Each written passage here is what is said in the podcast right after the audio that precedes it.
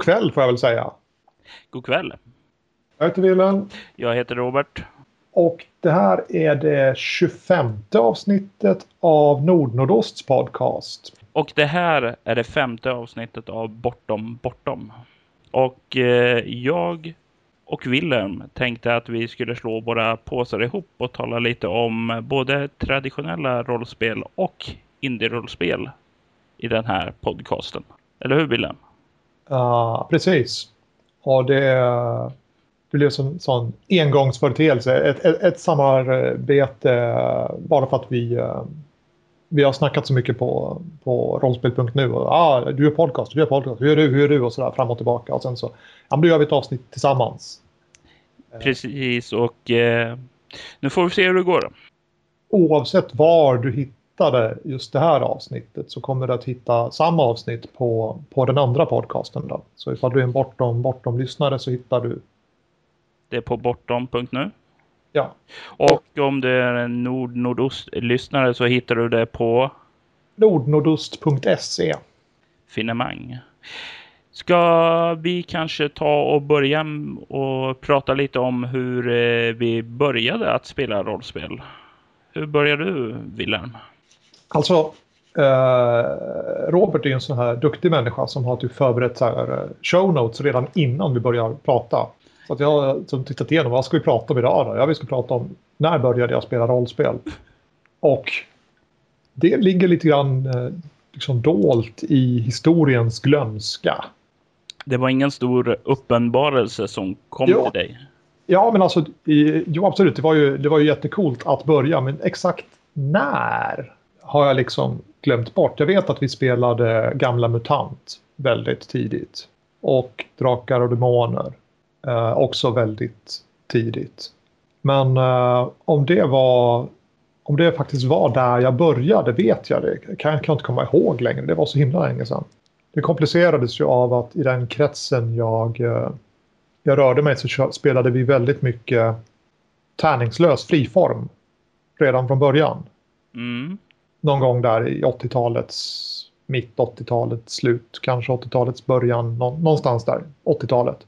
Då började du betydligt tidigare än mig då, för jag började inte förrän eh, sommaren 1990 och har väldigt tydliga minnen om det där. Eh, och som med väldigt andra många svenska rollspelare så var det ju Drakar och Domaner som fångade mig då. Jag kan till och med nämna att det var Skönheten och Odjuren eh, som var min start.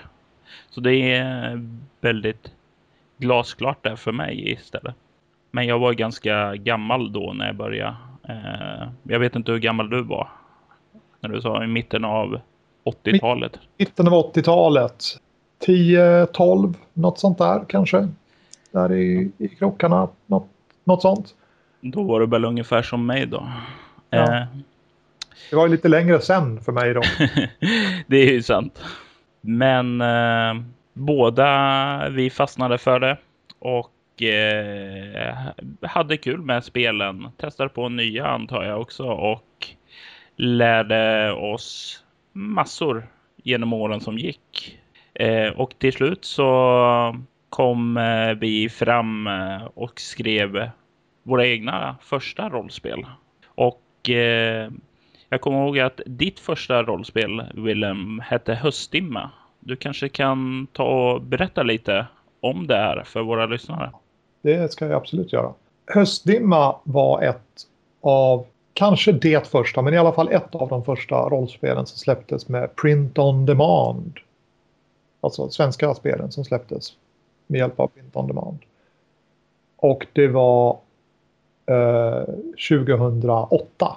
Så det är inte så himla länge sedan egentligen. Men det, nu för tiden är ju print on demand liksom helt, helt genomsyrad.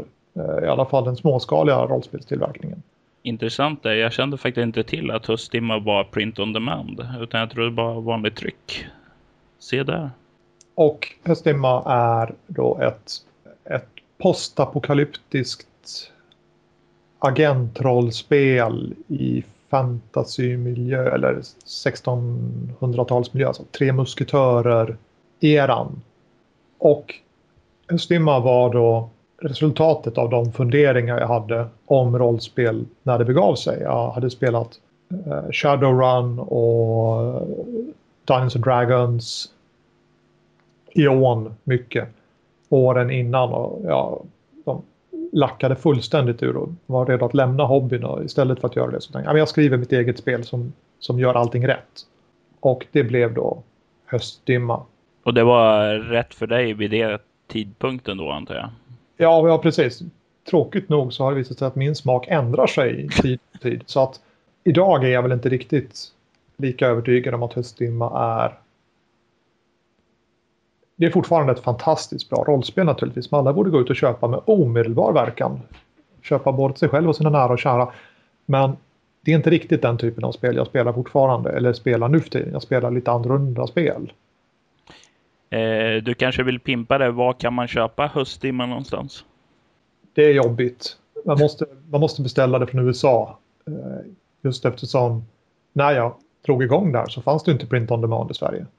Det, det kom ju först eh, senare när vi fick eh, jag vill säga asfalt, men de heter inte asfalt. De heter... Eh, eh vulkan. Vulkan, ja precis. Inte asfalt. Det var lite svart i alla fall. då fanns ju inte Vulkan och... Publit. Publit, precis. Publit fanns inte heller. Så att ville man trycka print on demand, alltså trycka i en väldigt, väldigt liten upplaga, så var man tvungen att vända sig utomlands och jag vände mig till en amerikansk, ett amerikanskt företag som heter Lulu. Och där ligger spelet fortfarande. Så går man till eh, lulu.com och... Så kan man få tag i ett exemplar.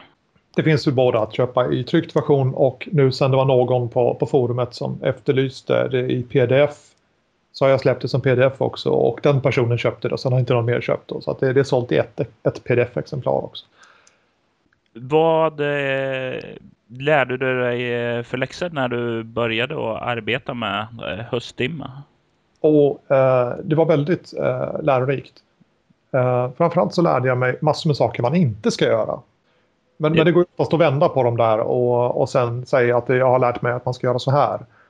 Mycket i hur man bör framförallt hur man ska kommunicera med de som hjälper till med spelet. Man måste vara väldigt tydlig Eh, med, eh, med vad man vill ha och när man vill ha det. För att Höstdimma blev säkert ett, ett år försenat för att bilderna drog ut på tiden. Och det hade inte jag sagt riktigt. Utan jag sa, men, men gör bilderna när du hinner, när du orkar liksom. Till, till Sara som gjorde bilderna då. Och det tog en väldig tid. För att hon gjorde ju mycket riktigt bilderna när hon ville och hade tid och sådär. Och sen hade jag som kommit för instruktionerna, gör lite bilder, det är som typ 1600-tal sådär. Eh, hitta på något. Och det tog en väldig tid, men sen sista halvåret när jag bara, men nu katten måste jag få klart det här. Så, så sa jag, jag vill ha en bild som ser ut så här med följande personer och de håller på med det här och de har, liksom, det här sker i bilden. Jag alltså gjorde bildmanus till allting. Och då bara rasslade till och så kom bilderna. Så att eh, hon fick en insikt i vad du hade för visioner om spelare och då blev det kanske lättare för henne också. Ja, precis. Uh, att, och, och, nu i efterhand så inser jag hur orättvis jag var när, när, jag, gjorde, när jag gjorde beställningen. Liksom. Ja, jag vill ha bilder på, på, på, min fantasi liksom, utan att egentligen förmedla vad det faktiskt innebar. Hon gjorde några bilder innan jag gick över till det här väldigt tydliga och, och de är jättebra. Man kan inte skilja dem från de från de bilderna som jag verkligen dikterade. Men det tog ju mycket mer ansträngning för henne, alltså onödig ansträngning, onödigt arbete. Alltså tänka ut vad jag vill ha för bild, det är, det är ju jag bäst på att göra. Mm. Absolut. Uh, så om du sitter ute med ditt spel och du funderar på att, att leja någon annan att göra illustrationerna. Var inte snäll och säg jag vill ha vad som helst utan var var tydlig och säg jag vill ha det här och det ska se ut så här och det ska vara så här. För att det hjälper eh, folk som ritar och är konstnärliga så enormt mycket. Och det har jag hört från, från andra också som illustrerar, inte bara från, från Sara utan från flera andra konstnärer i branschen att det verkligen är en hjälp att beställaren är tydlig snarare än att beställaren är då snäll och säger rita vad du vill. Har du någon mer som du känner vill tala om eh, angående höstdimma? Jag skulle säga att det är ett ganska, eh, ett ganska nybörjarvänligt spel trots allt. Det är, det är ganska tydligt med det som jag kallar form, alltså hur spelar man rollspel? Hur spelar man det här spelet? Det saknar jag lite grann i många av de här andra spelen som man säger, det här är ett bra nybörjarspel. Och med det menar man att ja, det, det är ett spel med enkla regler, men om inte man förklarar hur man använder de här enkla reglerna så är det inte så himla, så himla lätt att använda i alla fall, tycker jag. Men det är alltså ett, ett, ett, ett fantasyspel med enkla regler och världen ser ut som, som 1600-talet snarare än 13-1400-tal som vi brukar se i fantasy. Då. Och det är inte heller särskilt stort och omfångsrik utan det är ganska överkomligt eh, som en nybörjare att kasta sig in i och läsa. Eh, absolut. Eh, nu finns det ju andra spel som jag kanske tycker är ännu bättre första spel till nybörjaren som besinner mig till exempel. Helt fantastiskt bra. Men, men själva spelet är eh, 90 sidor och sen så följer det på 50 sidor färdiga äventyr eh, med färdiga rollpersoner och allting. Det är bara att sätta sig ner och steg för steg köra igenom. Så att det är väldigt eh, lite att läsa. i formatet 6 gånger 9 tum som blivit någon sorts standardstorlek för de små indiespelen. För att det blir som behändiga små häften av dem. Absolut. Och eh, för alla bortom bortom-lyssnare så kan jag rekommendera er att gå in till ett av eh, Nord Nordosts eh, tidiga avsnitt där Wilper också talar om Zombie Cinema. Ja, alltså det, det finns ju inte bara ett avsnitt. Det är ju Eero Tovinens Zombies Cinema dyker ju upp som gubben i lådan i vartannat var tredje avsnitt. Där vi måste bara känna att vi, må, vi måste prata lite gott om, om Zombies Cinema för att det är ett så fantastiskt spel. Så att det finns både avsnitt med actual play och det finns eh, avsnitt där vi kommer in helt slumpmässigt utan förberedelse bara börjar lovprisa Zombies Cinema. Så det är ännu fler skäl att lyssna på Nord Nordöst om ni inte ännu har gjort det. Och till skillnad, alltså Nord Nordost podcasten då, den Eh, den handlar ju om, om allt egentligen. Det finns någon sorts baktanke med att vi ska prata om indiespel och, och småspel och rollspelande och sådär. Men det, det, kan ganska fort driva iväg och, och omfatta ganska mycket av, av rollspelshobbyn. Medan jag får intrycket av att din podcast då, Bortom Bortom, är, är ganska inriktad. Den handlar om, om spelet Bortom. Ja och om, om den, alltså jag, jag har lyssnat på, på de avsnitten som har kommit ut och det är inte liksom specifikt enbart bara bortom bortom men det, det är saker som alltid återknyter till bortom bortom eller till återknyter till bortom. Ja och eh, Leviathan då också. Eh, men eh, precis, vi tar gärna upp eh, generella ämnen men som du säger eh, ändå visa på sätt hur det kan användas till rollspelet i sig. Och ja, jag får skämmas lite grann för jag har inte spelat bortom. Det, det är någon sorts lite skräckaktig historia, det har jag förstått från, från, från podcasten. Sådär, lite, lite ruskigt va, men eh, sen så vet jag inte så mycket mer. Nej, men du har helt rätt. Eh, det är en eh, skräckaktig historia och eh, jag kommer ifrån en perspektiv när jag började och Eh, skriva bortom, eller In the Dark som det hette ursprungligen, så kom jag från eh, fantasygenren. Jag hade skrivit väldigt mycket eh, fanmaterial till Drakar och Demoner och ville ha en helt ny utmaning. Och eh, det var då jag började skriva på In the Dark. Det eh, var eh, för mig någonting helt annat och vad eh, som jag eh, i början där lärde mig att eh, en av de viktiga sakerna är att eh, verkligen skriva tillsammans med andra. Kanske inte att eh, förvänta sig andra att skriva, men att få kontinuerlig feedback på det man skriver är det i alla fall för mig ett sätt som eh, ger lite mer energi helt enkelt. För det är väldigt lätt att när man eh, får sin idé till ett rollspel att låsa in sig på sin kammare och bara skriva och skriva. Vilket blir att du ofta tappar energi eller uppfinner hjulet igen. Och det är väl kanske en av de eh, stora läxorna som jag lärde mig under tiden med In the Dark. Att eh, prata om spelet med andra, eh, få feedback från andra. Se till att utbyta idéer med andra också. Eh, uh, jag, jag, måste, jag måste hålla med. i början när jag började med Östtimma så fanns det liksom någon sorts liten farhåga djupt där inne. Men, men om jag går ut med det här med det här spelet så kommer någon att ta min idé mm. och, och göra det där. Men nu med den erfarenhet och, vi, och den, den visdom jag har idag liksom, som, som en äldre och visare människa så inser jag att idéer och fantastiskt bra idéer det finns miljontals fantastiskt bra idéer där ute. Och alla rollspelare här, här, i, här i världen kan sätta sig ner på en, på en timme och, och kasta ur sig tio stycken fantastiska rollspelskoncept som hade blivit jättekul och jättespännande att skriva. Det som är sällsynt är orken och förmågan att sätta ihop det här till en, till en färdig produkt. Absolut. Och det är så som jag förstått också när man kollar forum och pratar med folk där att eh, folk är lite ovilliga just att tala för de tror verkligen att deras idé är eh, ja, unik och alla är ute efter att ta det. Men eh, som du säger, eh, ens om folk skulle vilja ha den ambitionen så är det få som skulle ha orken att göra det.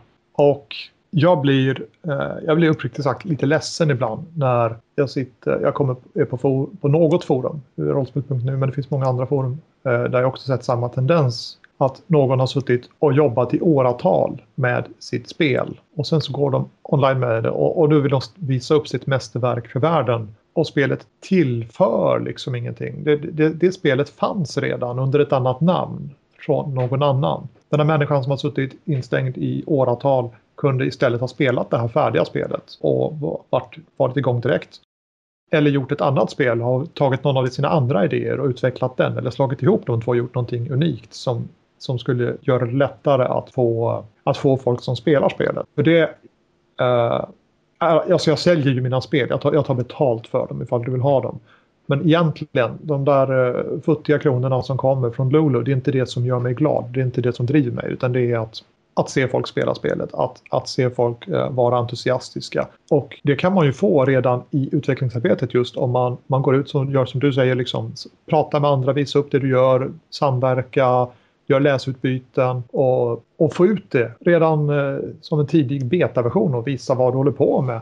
Så kan du ju eh, få den här förstärkningen från de andra, uppmuntran från andra redan i ett tidigt och få större chans att du orkar i mål med spelet. Precis. Så ut och tala om era spel som ligger där i byrålådan. Men Willem, du berättade ju förut om eh, höstdimma och att din eh, smak har eh, förändrats. Vad eh, fick den att förändras? Och var är du mer idag? Jag tror att jag är egentligen en ganska rastlös, rastlös själ. Och eh, eh, en hobby som sådan, den, den räcker ungefär i tre år och sen så vill jag göra någonting, någonting annat. Och då frågar sig vän av ordning, men du har ju spelat rollspel i 20-25 år, hur funkar det? Och jag tror att det är därför att jag uppskattar andra, andra saker. Jag, jag, jag, spelar, faller fortfarande under det väldiga paraplyet rollspel, men jag testar olika saker i perioder som varar några år. Jag har haft min Vampire-period och jag har haft min Grottröjsperiod och jag har haft, gått igenom olika faser där jag har spelat en viss typ av spel intensivt i några år och sen så har jag gått vidare till någonting annat. Eh, och, I vilken fas befinner du dig nu? Ja, jag, jag önskar att jag hade visste. eh, I, eh, I förra avsnittet av, eh, av Nordonost så var jag och hälsade på Pete som bor här i närheten och han pratade om sitt nya spelprojekt. Då, som är en nyutgåva eller en ny version av RuneQuest. Det vill säga om vi, om vi spolar tillbaka klockan så är det liksom nära, nära släkting med första versionen av Drakar Demoner. Mm. Och han, han, pratar om det, om det där och, och jag sitter och, och, lyssnar och det låter ganska coolt när han pratar om det här. Jag, jag måste nog, eh, det kanske är, är det som är grejen för att jag är, eh, jag är inne i indiesfären nu på, på övertid. Jag är inne på, på femte, sjätte året här. Det, det, är verkligen dags att det händer någonting. Jag, jag inser att jag, det är bara ögonblick kvar innan liksom, jag lackar ur på det också och vill göra någonting nytt. Och kanske blir det att jag, jag går tillbaka till mina rötter och börjar spela, om inte Drakar Demoner, så uh, RuneQuest. Då.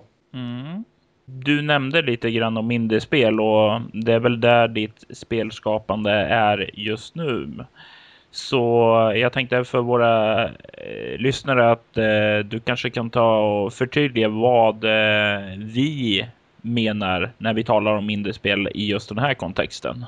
Ja, och det är väl ganska bra att vi säger i just den här kontexten.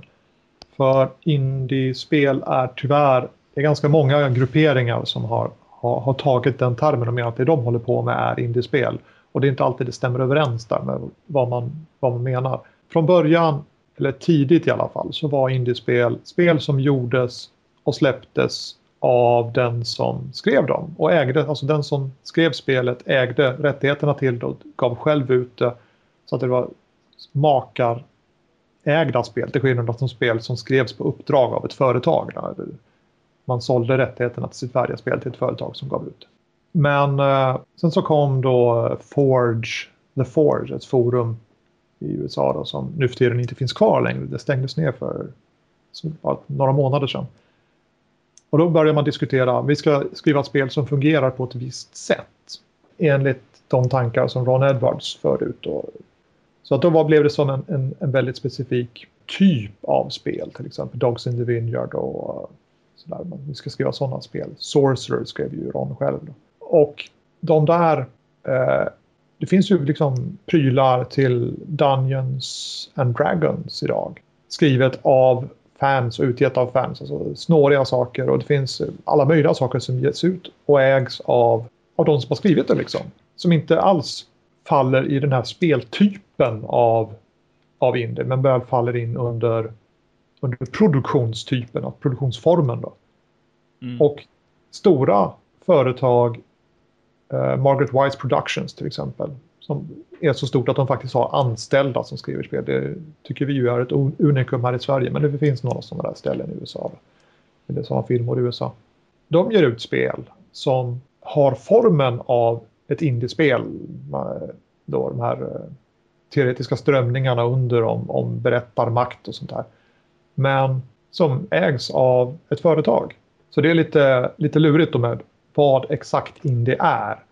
Och när vi postade första eller andra avsnittet av Nordnordost podcasten så frågade vi lyssnarna, vad vill ni att vi ska prata om? Var det någon som sa där? Ja, men jag vill ha ett avsnitt som definierar vad som är indie. Och det har vi då skjutit framför oss nu i eh, över 20 avsnitt just för att det är, så, det, är, det, är alltså, det är så snårigt och svårt. Men när vi sitter och pratar just nu, du och jag, då, då är det spel där man, man spelar rollspel fortfarande med sina vänner runt ett bord. Man kanske använder tärningar, det är inte säkert. Men Man kanske har en spelledare, det är inte säkert. Man kanske samarbetar och hittar på saker mer fritt tillsammans. Ofta har indiespelen mycket enklare regler. Det, inte, det, måste inte vara så, men ofta har de enklare regler än det som de traditionella rollspelen, till exempel Drakar och Demoner eller Dungeons and Dragons i nyare utgåvor har. Då. Och, och, det är väl det som vi menar med indie just i det här sammanhanget. Efter att eh, du eh, tog och eh, lämnade Höstdimma bakom dig så har du ju skrivit fler spel som är influerade av det här det som vi kallar för indie. Så eh, du kanske kan eh, ta och berätta lite om dem? Ja, absolut. Medan världen går under skrev jag som ett eh, exempel egentligen. Jag körde på, på rollspel.nu som vi återvänder till ständigt så skrev jag, hade jag en utmaning till, till de som var där att följ med mig under ett år och skriv ditt eget rollspel. Följ min takt så kommer jag, jag lovar att du i slutet på året kommer att ha ett eget rollspel ute i handeln som du kan sälja. Du, blir, du blir en spelmakare på riktigt om du följer med i den här workshopen eller studiecirkeln vad man ska kalla det då.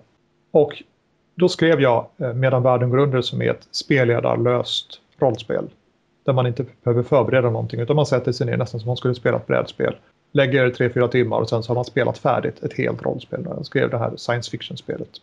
Och det var ganska många som följde med i början på den här studiecirkeln. I slut så var det bara jag och en till som kom ut med ett, med ett spel. Och den andra var, var Mikael Bergström som skrev Evolutionens barn. Även mannen som har gett namnet till eh, podcasten Bortom Bortom också fruktansvärt liten hobby när man börjar nysta i det så ser man att det, det är... Tar vi bort de, de 20 mest aktiva spelmakarna eller i, i spelhobbyn då, movers and shakers som vi överdriver lite grann då, så finns det inte så mycket kvar. Det, det, det skulle öppna helt nya möjligheter och, och, Alltså, det, det hade verkligen blivit som digerdöden drog fram och en helt ny samhällsordning skulle uppstå. För att det är inte så många som håller på med det där. Det finns en del rollspelare men just de som skapar och ger ut spelen är ju väldigt få. Och det är ofta enstaka, alltså aktörer som arbetar för sig själv. Alltså lite grann om det. Mycket av marknaden är ju som du pratar om i indie i bemärkelsen av folk som ger ut sina egna spel. Det är ju mycket i den marknaden vi har i Sverige idag. Ja, precis. Till och med om vi ser till eh, hobbyns nya älskling, svavelvinterrollspelet, mm. som ser så, så proffsigt ut och, och, det är väl det snyggaste spelet som har kommit på, på svenska. Då. Vi kanske kan titta lite grann på mutantböcker och mena att de är lite snyggare. Och sådär. Men, men det, det, står sig väldigt bra, det ser väldigt proffsigt ut. Det står sig väldigt, till utseendet väldigt väl med, med det finaste som finns på, på engelska. Och det är ett kompisgäng på fem sex pers som ligger bakom det. De har suttit och knåpat på kvällar och helger och fått, fått ut det. Det är, som, det är så väldigt, väldigt småskaligt. Även saker som ser väldigt proffsiga ut är väldigt småskaligt framtagna. Medan världen går under blev senare också släppt på engelska om jag inte minns fel. Ja, precis. Det heter While the World Ends och det är, det är precis samma sak fast skrivet på dålig engelska då. Översatt av mig eh, alldeles själv. Och det blir ju då, det blir som det blir för att det, det är väldigt småskaligt. Sen har jag i en annan utmaning på rollspel.nu då jag var som en deltagare i någon annans utmaning skrivit spelet Fenomenet som är ett eh, superhjältespel. Och det finns gratis att ladda hem från rollspel.nu och det finns en engelsk utgåva av det, en eh, reviderad utökad utgåva som har legat eh, hos en eh, redaktör för att tas med i ett amerikansk, en amerikansk rollspelsantologi. Och där har den legat i nästan ett år nu, så vi får väl se hur det, hur det går med det projektet. Annars så har jag skrivit ett spel där man spelar eh, komedier i Shakespeares anda som heter The Daughters of Verona. Jag känner inte till något om spelet men jag har hört väldigt mycket om det så du får gärna upplysa både mig och lyssnarna om lite närmare om hur spelet i sig funkar. I The Daughters of Verona så spelar man en komedi på det viset som det som Shakespeare menade med en komedi, det vill säga en pjäs som slutar med att folk gifter sig. Och en liten grupp spelare, fyra, fem, sex personer, tar rollerna av en, eh, en amatörteatergrupp då, som spelar ut en, en pjäs i, som liknar de som Shakespeare skrev. Man skulle kunna spela en Shakespeare-pjäs rakt av ifall man nu ville det, men, men det finns, spelet antar att man vill skriva en egen historia, en egen pjäs där man inte vet exakt alla vändningar och repliker repliker. Om man sätter sig ner och tre eller tre och en halv timme senare så har man då varit på teatern och stått på scen hela tiden samtidigt och haft fantastiskt roligt. Och, och då sitter väl kanske framförallt dina lyssnare då som är vana vid de mer traditionella spelen undrar hur, hur i hela friden hänger det där ihop då? Finns det ingen, ingen spelledare som, som sätter då slår man inte tärningar ordentligt för att se vad som händer och sådär. Men då blir Dots of Rona faller i kategorin samberättarspel då som ibland vi använder liktydigt med indiespel men egentligen betyder någonting lite annorlunda. Då. Och spelet har väl egentligen mer, liknar väl mer en dramaövning egentligen än ett riktigt spel. Men eftersom jag har gjort det och jag, jag, spelar rollspel så kallar vi det för ett rollspel. Absolut, och vi ska ju inte begränsa vad rollspelen kan vara. Gentemot när du skapar höstdimma, går du till på något annat sätt när du skapar till exempel medan världen går under och eh, fenomen och eh, Daughters of Verona. Arbetssättet är väl i, i stort samma fortfarande. Så fort som möjligt få ihop någonting som man kan, som man kan testa. Inte, inte utsätta sig och skriva klart spelet och sen gå och speltesta det utan så fort det finns någonting som en tanke om vad som borde finnas på rollformuläret och, och någonting om vad man ska göra i spelet så fort samla samman folk och, och, och prova och se vad som händer medan världen går under trodde jag att jag höll på att skriva ett annat spel egentligen. Och sen så satte vi oss ner och spelade första speltestet utifrån en A4 suddiga anteckningar med kulspetspenna. Och vi kom fram till att ja, det var inte alls som vi hade trott att det skulle bli. Men det var ganska roligt i alla fall. Alltså vi, vi, vi gör väl klart det till ett eget rollspel då. Så det upptäcktes som av, av misstag medan världen går under. Mm. Sen så har jag ju fått rutin på, på skrivandet. I höstdimma så gjorde jag ju allting från början. Nu har jag ju mallar och jag har sätt att tänka och jag har struktur och saker som jag bara återvinner till nästa projekt. Så nu när jag har ett, ett nytt projekt så går det, går det mycket fortare att göra de här mekaniska sakerna i bakgrunden. Layout går i ett fingerknäpp och eh, jag har lärt mig lite grann om hur så här ritprogram funkar så jag kan göra enklare illustrationer själv. Sånt där. Så att det, det går fortare, mycket fortare nu för tiden jämfört med vad det gjorde i början. Och spelen blir mindre och mindre och kortare och kortare Höstdimma är med äventyren 150 sidor långt och ett så stort spel kan jag inte föreställa mig att jag skulle få ur mig idag. Men det är väl också en väldigt vanlig sak just för många av indiespelen, inte alla men många, att just att de är som du tidigare talade lite mindre till storleken men även eh, färre sidor också. Det är mer koncentrerat på något sätt. Ja, precis. Och de, de flesta av de här eh, spelen som då i alla fall till, till spelformen är, är indiemässiga då, eller samberättarspel, regellätta spel, de gör oftast bara en enda sak. I Medan världen går under så spelar du en historia om hur världen går under. I A Taste for Murder så spelar du en historia där någon dör och man utforskar familjens mörka förflutna för att se varför. I eh, Panty Explosion så spelar man japanska skolflickor som slåss mot demoner.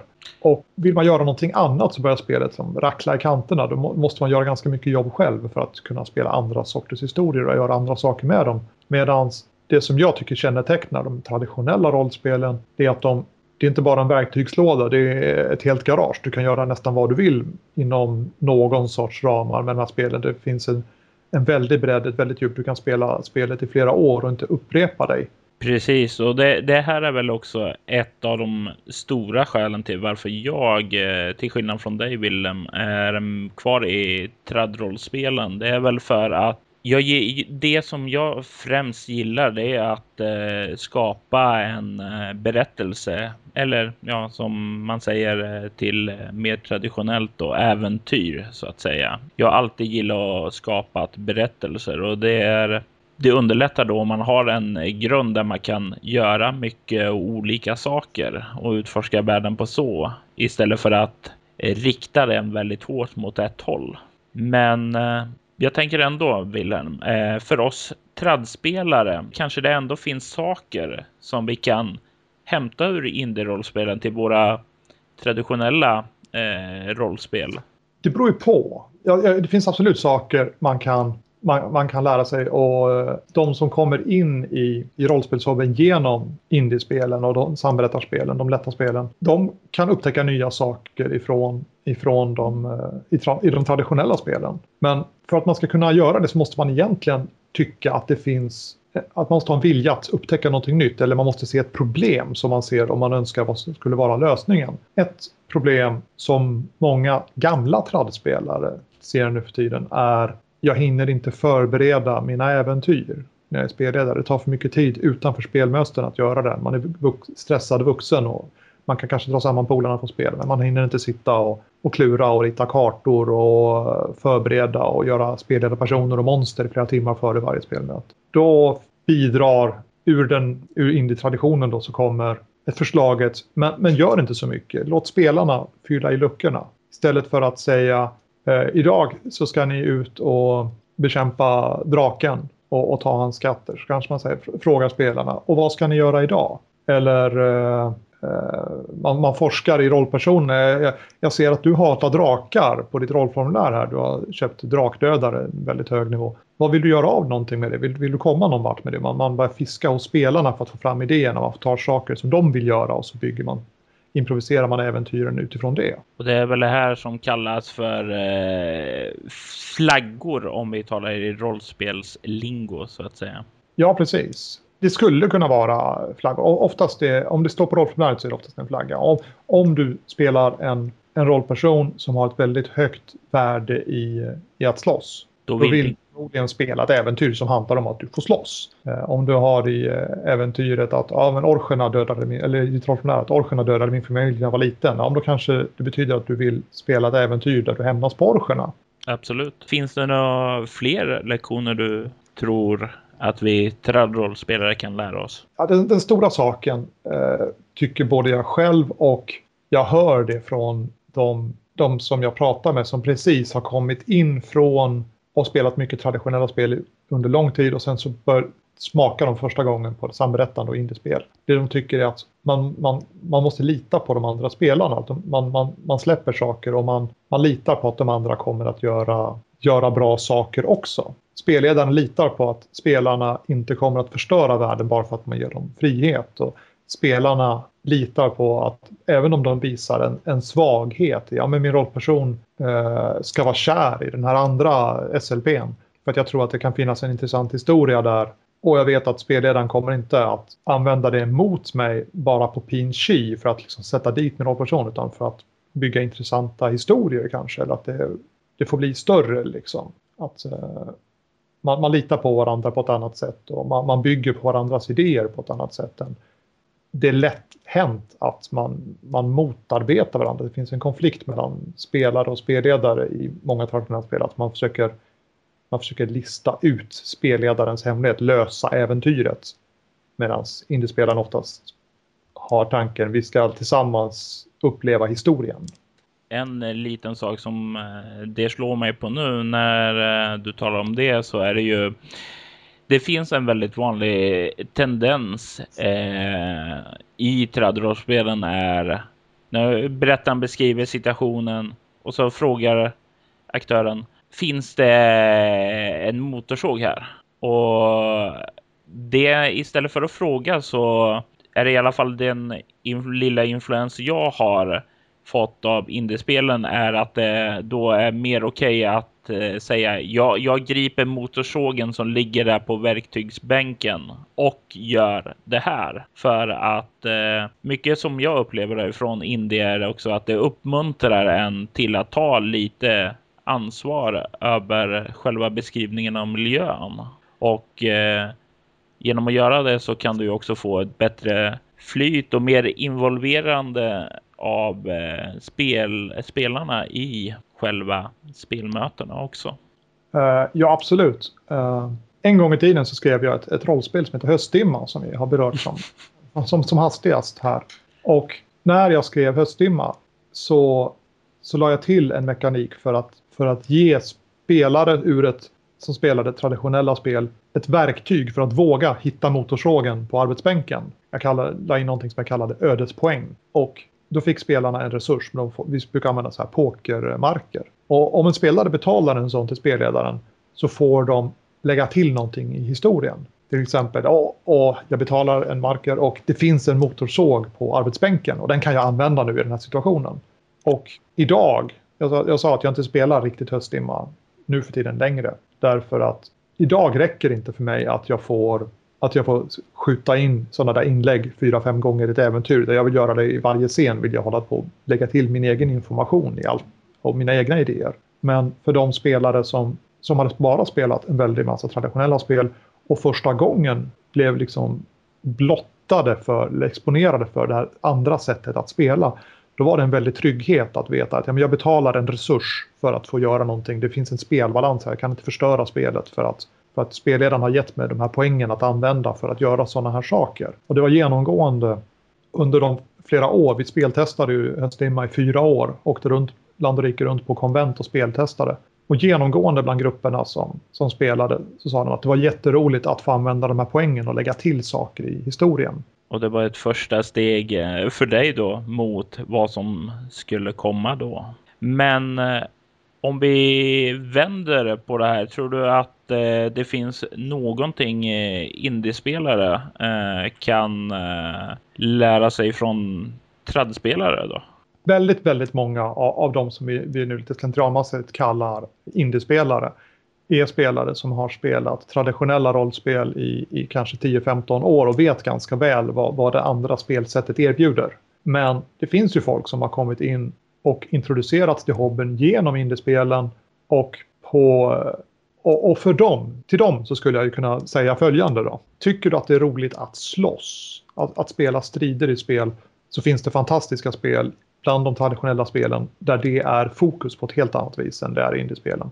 Ganska många av indiespelen har inte ens stridsregler utan du, du, du förväntas, du hittar på någonting eller du, du slår ett tärningslag och sen så får man se, veta vem som vann striden. Många av de traditionella spelen har detaljerade system som verkligen sätter fokus på vad som händer i en strid och hur man rör sig, hur mycket ammunition man har, eh, vad som händer när man blir skadad. Det finns tabeller och system som reder ut effekterna av att bli skadad och så vidare.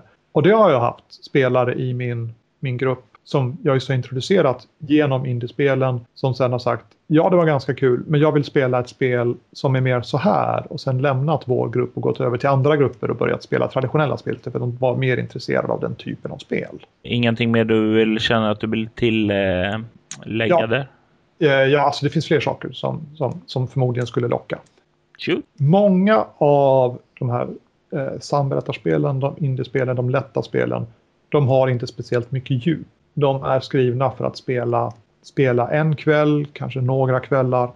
Man hittar på allting tillsammans i början och sen kör man och sen så är man klar. Till många av de traditionella spelen så finns det fantastiskt detaljerade bakgrunder, eh, djupa, långa äventyr, kampanjer som sträcker sig över 5, 10, 20, 50 spelmöten där man verkligen kan få följa en och samma rollperson på ett helt annat vis och se den utvecklas och, och bli en annan person och, och, och, uppleva långa sammanhängande historier. Det blir gärna lite snuttifierat, lite MTV över de här indiespelen just för att man just för att många av dem är gjorda för att spelas på, på en kväll. Medan de flesta traditionella systemen spelas med en baktanke att vi ska spela en, en lång historia. Vi ska låta vår rollperson bli eh, utvecklas, bli en bättre person och möta mer avancerade utmaningar. Så att det ger en, en, större kontinuitet i berättandet och spelet jämfört med vad många av indiespelen gör. Det finns indiespel som är åt det hållet också, men om man börjar som generalisera. Så. Eh, då kan jag ju ta och passa på och fråga där. De som gillar vad heter det, att gräva ned sig i en djup, rik spelvärld och ändå vill ta testa på någonting, eh, vad heter det, inom indievärlden, men vill ha den där eh, känslan. Eh, vad för indie-rollspel skulle du rekommendera då? Jag har en, eh, en kandidat här som jag inte har hunnit spela själv än som heter Marvel Heroic Role Playing eller Marvel RPG. Då, som just ges ut av det här Margaret Wise som vi nämnde tidigare. Där man alltså spelar Marvel-superhjältar i, i kampanjer. Varje kampanj blir en, en, en, en egen modul, ett eget kompendium liksom beskriver. Och där har man ju hela, hela serietidningarnas all bakgrund om de här Marvel-hjältarna att fördjupas i genom spelet. Samtidigt som rollpersonerna kan, kan verka under lång tid och bli bättre och utvecklas. Men, men just spel som erbjuder just eh, långsiktigt på regelsidan finns det ganska många spel. Burning Wheel är väl det, det främsta exemplet. Det finns en science fiction-variant som heter, som heter Burning Empires där man utforskar, där man spelar eh, en mänsklig civilisation som möter hotet av eh, sinneskontrollerande järnmaskar som försöker ta över galaxen. Och det är skrivet för att, för att spelas kampanj. Det finns instruktioner och du ska spela så här många spelmöten i varje del av kampanjen och sen så ska de bindas ihop i en övergripande historia som funkar på det här viset. Så att där har du verkligen, du sätter dig, ska du spela det på riktigt så hamnar du någonstans runt 10-20 spelmöten utan att behöva stressa och, och, du kan säkert dra ut det mycket längre än så om du vill. Men det är också ganska lätt på, på spelvärldssidan men har ett enormt djup i, uh, i reglerna. Och nu när jag tänker efter så, de exempel jag tänker på i huvudet med, med spel som har väldigt mycket världsmaterial. De är inte, de är inte indie-spel, de är traditionella spel. Spel som är till exempel World of Darkness-spel. Där finns det ju hyllmeter du kan ha till ett och samma spel med massor med material att fördjupa dig och gå ner i.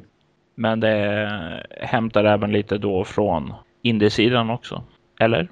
Nej, uh, det är nog just genomgående att eh, spelvärldsmaterial är ganska sällsynt i indiespelen det, det, det, finns där. Det finns tillräckligt för att man ska komma igång och sen får spelarna fylla i resten av detaljerna. Eh, men det finns system som tillåter att man spelar ganska länge. Alltså reglerna ger dig massor med material. Eh, vill du tvunget spela ett, ett sånt här indieaktigt spel men du vill ha en lång, lång färdigskriven kampanj, ett långt äventyr, ett stort äventyr så skulle mitt, mitt tips egentligen vara att titta på de som håller på att blåsa liv i, i det gamla old school Dungeons and Dragons-spelandet. Där, alltså så som man spelade Dungeons and Dragons i slutet på 70-talet.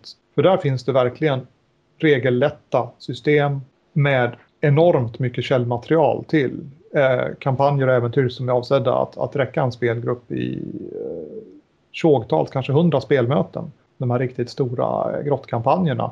Medan de samtidigt har med dagens mått sett väldigt, väldigt enkla regler. Och det finns någon bak, eh, en tanke i den här old school-världen att det är rulings, not rules. Alltså spelledaren gör, improviserar fram de regler som behövs efterhand och improviserar fram det som behövs snarare än att i regelboken så finns allting förberett. Be kanske ska gå vidare till eh, vad heter det, vad som vi pysslar med härnäst. Eh, du har ju talat att du befinner dig i, eh, möjligen i slutet av din indieperiod. Har du någonting eh, fort, eh, projekt fortfarande på G där eller eh, har du något annat spännande på G? Jag, eh, vi pratade om The Daughters of Rona tidigare.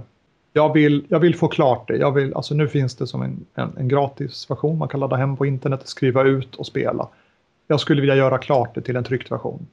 Det förstår jag. Eh, det är, det är ganska många som har haft roligt med det. Jag tror att fler skulle ha roligt med det ifall de slapp göra förarbetet och klippa ut alla de här små korten. Jag skulle vilja kunna sälja färdiga kortlekar med allt som behövs så att det bara är att köpa spelet, kika regelboken och köra igång.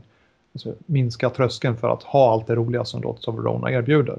Och vad som händer sen? Ja, det finns massa idéer som, som puttrar och vi får väl se ifall någon av dem faktiskt, eh, faktiskt kryper ur grytan och ger sig ut på nya äventyr. Men just nu så är det Dotus of Verona som tar nästan all min ork. Du, eh, jag känner till eh, bortom, men du pratar lite grann om, om Leviathan. Det visst har det varit en artikel i Phoenix om det också var det, eller var det det andra Leviathan? Det var intressant nog två eh, Leviathan-artiklar. Eh, en eh, i sig som eh, inte hade något att göra med mitt projekt och sen en eh, förhandstitt eh, på mitt rollspel eh, som heter just också Leviathan. Och Eh, det eh, science fiction-spel i nära framtid eh, där mänskligheten har sökt sig ned i havet till baser och skepp därunder efter att monster har invaderat ytan och gjort den ogästvänlig. Karaktärerna tar då rollen av några personer som har kontroll över eh, baser nere i havet. Och eh, det här som eh, jag har fört in lite av vad man skulle kunna säga vara indie-influerat eh, tänk i det hela. För mycket av eh, Leviathans grund skapas utifrån aktörerna. Alla spelare sätter sig ned, diskuterar igenom vad kontrollerar vi för bas? Eh, vad är hotet som vi kommer att utsätta oss för? Hur ser vår bas ut? Allt det här eh, skapas utifrån deras egna tankar. Det är eh, till skillnad från mycket annat jag skriver som är eh, berättardrivet att eh, spelledaren ska skapa miljöerna så nu blir utmaningen snarare för spelledaren att bygga en berättelse utifrån spelarnas önskemål. Och eh, det är lite grann som jag känner är influerat av det som jag har hört talas om på forum, i andra podcast eh, om just indiespel. Och, och, vi sätter så, alltså nu har vi suttit här i, i, i podcasten och, och, polariserar. Vi sätter indie mot trad som någon sorts, eh, någon sorts motsatser. Men, men det, är, det är lite indie, indie-begreppet eh, samberättande då, inte i produktionsformer, där, där bryr vi oss inte. Men vi sätter det i, eh, i sam, som, ett, som motsatsförhållande. Det du kallar indie, ja men spelarna gör tillsammans spelvärlden, eh, eller spel, den här basen som de har och spelledaren utmanar dem lite grann utifrån dem. Man, man driver åt det håll som man tror att spelarna vill gå. Om vi tar ett av de allra tradigaste spelen som finns, eh, Ars Magica, som är ja, 80-tal i alla fall. Man spelar trollkarlar på medeltiden. Spelmöte 1. Tillsammans bygger ni er Covenant. Det fäste som era magiker har samlats runt. Det är väldigt intressant att du tar upp det spelet för mycket av själva tänket är just eh, hur eh, man skapar en bas tillsammans. var bara också influerat efter att jag spelade Ars Magica för första gången. Så det som är bekant med det kommer definitivt att känna igen lite grann av tänket i det hela. Och, och, och där märker vi att det är inte så väldigt, ja alltså det finns, det finns kanske skillnader i stort om man börjar generalisera men så fort man börjar titta på de, de exakta detaljerna i allting så, så märker man att det här finns ju trallspel som gör det här och det säger vi ju är, är så väldigt indie och samberättande. Och, och tvärtom, det här, men det här indiespelet gör ju saker som vi brukar förknippa med samberättande och sådär så att det är inte Svart eller vitt? Det är inte svart eller vitt. Det finns inga vattentäta skott här utan det, det är ju eh, 50 toner av grått. Men det är ju kanske också en viktig läxa att eh, det behöver inte vara utan det kanske är eh, väldigt tänkvärt att blanda lite och hämta det bästa från eh, båda världarna. Absolut, jag tror, jag tror definitivt att det finns ett, ett verktyg som är bäst till, till varje problem. Och jag hoppas att eh, Nord-Nordost-podcasten ska, ska visa folk att det finns massor med olika verktyg. Bara för att, det du ville, att ditt favoritspel inte funkade till det du ville göra med det härnäst så betyder det inte att den idén var dålig, det är bara det att du hade fel verktyg. Du kanske skulle testa ett annat spel som, som gör just den saken lite bättre. För ganska ofta, och nu, nu, nu kliver jag upp på min höga tron igen här, så finner jag att trad-rollspelen, de gör väldigt många saker ganska bra. Medan de här riktigt tillspetsade indiespelen gör en sak väldigt bra och sen så funkar de inte alls på någonting annat. Och eh, med det så kanske vi ska ta och eh, börja avrunda den här podcasten.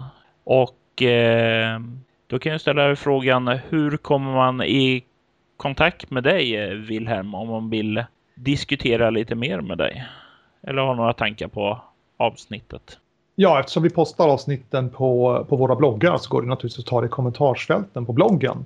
Om man tror att eh, frågan är allmängiltig så tar den antingen här eller på bortom så tror jag säkert att jag, ska, jag kommer att se den och det kan säkert bli intressanta diskussioner av det.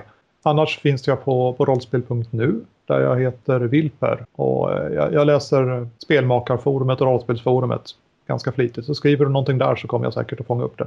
Och sen så går det att nå mig på e-mail genom info at nordnordost.se. Då når man i och för sig hela Nordnordost-kollektivet men, uh, uh, men det är också en, en bra mejladress om man, man har frågor om Indie och så vidare. Uh, och dig, du hänger på Facebook, är det så? Jajamensan. Ja, jag har sagt upp Facebook så länge sedan, sedan länge. Jag hänger på Google+. Plus. Det är grejer det. Jajamensan, jag hänger också på Google+, men inte lika aktivt.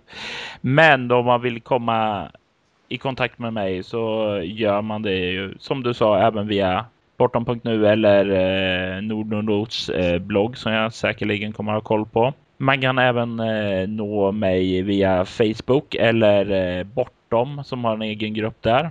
Eller att spela bortom på Twitter. Eller slutligen mejlen info at bortom.nu. Och eh, med det så ska jag ta och tacka dig eh, Wilhelm för att eh, ja, du har ställt upp i podcasten och delat med dig av dina kunskaper om indiespelen. Och jag måste ju tacka dig Robert för att du kom och var med i Nordnordost-podcasten och hjälpte oss att börja nysta i det här träsket av frågan vad som egentligen är indie och hur, det, hur nära och hur långt bort det egentligen är från de traditionella spelen. Och jag önskar dig lycka till med det i framtiden.